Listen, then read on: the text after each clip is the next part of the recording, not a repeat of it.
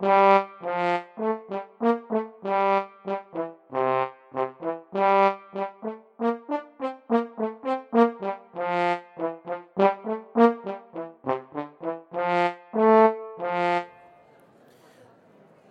välkomna tillbaka till Helsingfors bokmässa 2019. Det här är Folk i Finland podcast som eh, samarbetar med Boklund och Skriptum och Boklund Publishing. Det är i deras monter som vi håller till och träffar olika författare och berättar om böcker och där var just nyss en teatergrupp som också var på besök. Men nu ska vi prata lite poesi här och eh, det är en mycket spännande, lovande ung författare som heter e-, Erika Håkan som är här och boken heter Skuggviskaren. Märkligt och intressant namn. Välkommen hit Erika. Tusen tack. Och berätta lite grann vem du är bara så vi får det på plats först för lyssnarna. Ja, no, jag är väl en helt vanlig korsholmare. Inget speciellt där men jag har bott i Vasa nog de senaste 15 åren kanske. Så är du studerande eller jobbar du? Eller? Nej, jag jobbar, jag jobbar inom uh, reklambranschen. Ja, just det. Men då har vi placerat in dig och ditt författarskap, det är alltså, vi kanske börjar med den boken som du har här framför dig, för den är alldeles färsk, varm, så ganska ny är den. Berätta lite om den. Det är alltså en diktsamling och ehm, den har egentligen två fristående delar. Den här första delen då som är den huvudsakliga, den heter då som sagt Skuggviskaren och den handlar kanske om eh, kommunikation i allmänhet och missförstånd i synnerhet. Sen har jag då den där kortare delen därefter som heter Sånger att ligga vaken till och den, den rör sig då mera i ett sådant gränsland mellan dröm och medvetenhet. Så man kan säga att det är frist, två fristående delar egentligen? Ja, nu förstås tematiken är kanske lite svår att skilja åt ibland. Men, ja, ja. Jo, men åtminstone i teorin, ja, det är två, två delar. Just det. Och för den som inte känner dig så väl, vad, din bakgrund med författandet, eh, vad du har givit ut tidigare? Uh, alltså det här är ju, jag är debutant, debutant så det här är min första, första utgivning. Mm. Och, eh, men du har ju jobbat med text då, korta texter är, tidigare också. jo, no, det, det, det har lite landat i den genren just av den orsaken att jag har märkt att jag, jag har en, en tendens att uttrycka mig ganska kort gärna. Så. Ja. Men hur är det med det här med eh, eh, diktandet och poesi, hur, hur eh, kom det in i ditt liv? Ja, egentligen är det väl kanske någon slags eh, rad av tillfälligheter får man väl säga att jag har nu bara, bara liksom börjat någonstans skriva ner sådana här underliga tankar som har dykt upp lite nu som då. Sen när det har gått några år så märkte jag att det här blev ju ganska mycket och kanske det skulle gå att göra någonting av det. Nu har jag skrivit sådär från och till under hela mitt liv men att eh, kanske inte alltid liksom medvetet på det viset att jag har jag har liksom valt att nu ska jag skriva just dikter eller, eller så här. Men att det, det, är ju, det är ju annat än om du bestämmer dig att nu ska jag skriva en roman, då får du ju hålla på med det tills du är färdig. Att ja. Dikter kan man liksom pussla lite ihop, en, en bit här och en ja. bit där och så. Sen ser man var man hamnar. Men när, när du insåg att nej men nu är det dags att ge, försöka ge ut det här, berätta om den, den förvandlingen eller förändringen. Ja, no, no, det som kom med i boken är ju förstås nog egentligen bara en bråkdel av det som jag hade så att säga, att jag hade ju mycket mer men, men sen den där processen då att liksom börja välja ut, det, det, det var ju svårt förstås. Så att jag hade ett ganska spretigt manus som jag försökte bjuda ut men, men sen då så råkade jag träffa Anna-Lena och hon hade då den här möjligheten med Boklund och sen, sen bestämde jag då att no, men, ja, jag försöker med det. Var det hon i samarbete med henne du sen valde då eller var det på något annat sätt? Nå, delvis ja, fick jag hjälp, hjälp från Boklund att, att eh, ska vi säga skära ner, det fanns väl egentligen fem olika kapitel eller, eller delar i den här boken ursprungligen och nu är det ju då som sagt två. Ja, just det. så så hon, hon då försökte hjälpa mig att, att, äh, att särskilja de här temana som hon, hon tyckte, tyckte var de centrala. Och sen har jag nog då också fått hjälp av min chef. Hon har hjälpt mig dels då att, att välja själva texterna, alltså vilka texter som skulle ingå och sen liksom finslipa det här sista. Okej. Att man får bort allt som inte liksom behövs direkt utan du tar bort några ord så blir det nästan bättre. Just det där beslutet att du bestämde, nej men nu är det dags att, nu är det dags att ge ut, just hur det blev. Ja, no, det, det var nog som sagt det där att jag, jag, jag testar isen lite, att, att därför skickar jag ju då in, in det.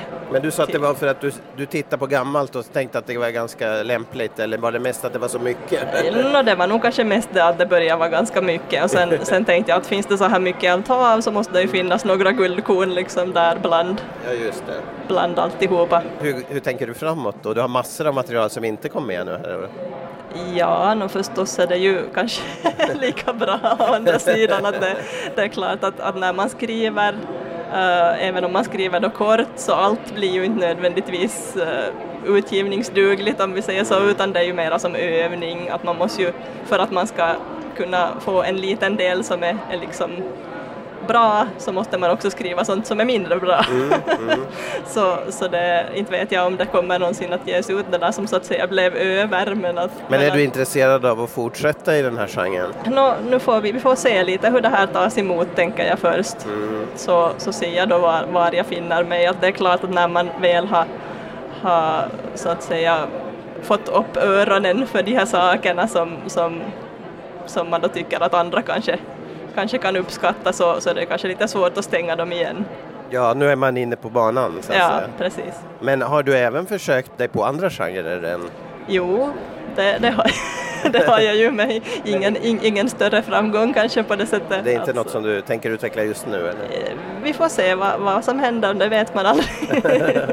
Men det här, det så, jag tycker det är så intressant det här med vad poesi är och nu har vi ju inte, vi har inte gett exempel på dina dikter eller så här. Nej. Men, men just det här med vad är poesi och vad är något annat? För vi har haft flera författare som eh, har det här prosalyrik till exempel. Ja. När blir ordet poesi och så vidare. Vad har du för tankar kring det? Ja, det, det var en svår fråga men ehm, jag kan ju förstås på ett sätt bara tala för mig själv. Jag menar Ja, jag- vad, jag tycker, vad jag, varför jag tycker att jag skriver poesi och varför den här boken är poesi.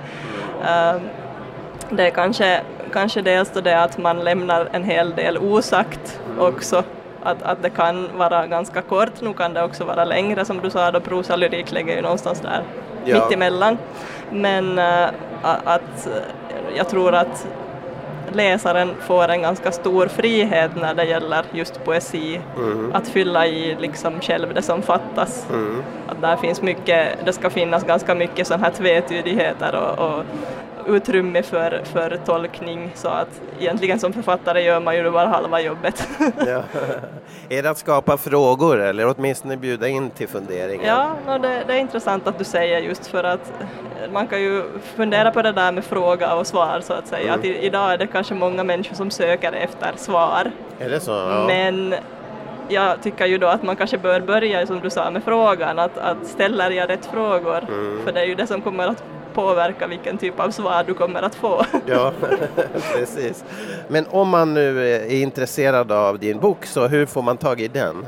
Den får man ju nog tag i då via Boklunds eh, webbutik till exempel, eller så om man bor då i Vasa eller närheten så kan man förstås köpa den på Gros bokhandel.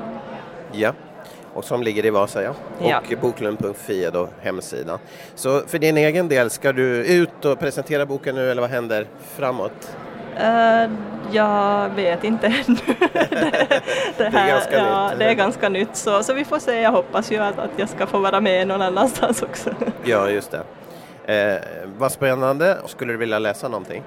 Vi kan ta en här ganska, ganska i mitten av boken. Mm. Låt det förflutna komma i kapp. Låt det springa förbi. Låt det göra ett makalöst ärevarv och till slut är du fri att lunka vidare i egen takt utan självförakt. Vad fint. Det här med det förflutna, känner du igen det? Hur, hur är din, eh, när du nu läste om det förflutna där och vad, vad betyder det för dig? Alltså, jag tror ju att, att det förflutna är någonting som, som är väldigt mänskligt i grunden, det vill säga man bär ju med sig det liksom en del av, av vem man är helt enkelt. att man har en historia där och, och folk förväntar sig kanske vissa saker för att du har en viss image så att säga utåt. Ibland så kan det ju vara som ett sänke kring foten förstås och, och det som jag tycker är speciellt idag med, med alla sådana här internetfenomen så får ju det förflutna ibland kanske till och med en lite för stor roll om man nu till exempel då tänker inom polit politiska arenan. Jaha, på vilket sätt? Så, så kommer det ju alltid sådana här skandaler liksom med att någon har lagt ut en bild på något opassande för 20 år sedan, vilket Jo. var mycket innan de liksom blev offentliga personer. Ja, Så jag tycker tillika att, att det kanske är att dra det lite för långt. Alltså det kan ju vara relevanta saker, men ibland så är det bara ren smutskastning och det är ju synd. ja vad intressant. Där fick vi en liten poäng också som din dikt ledde till. Ja.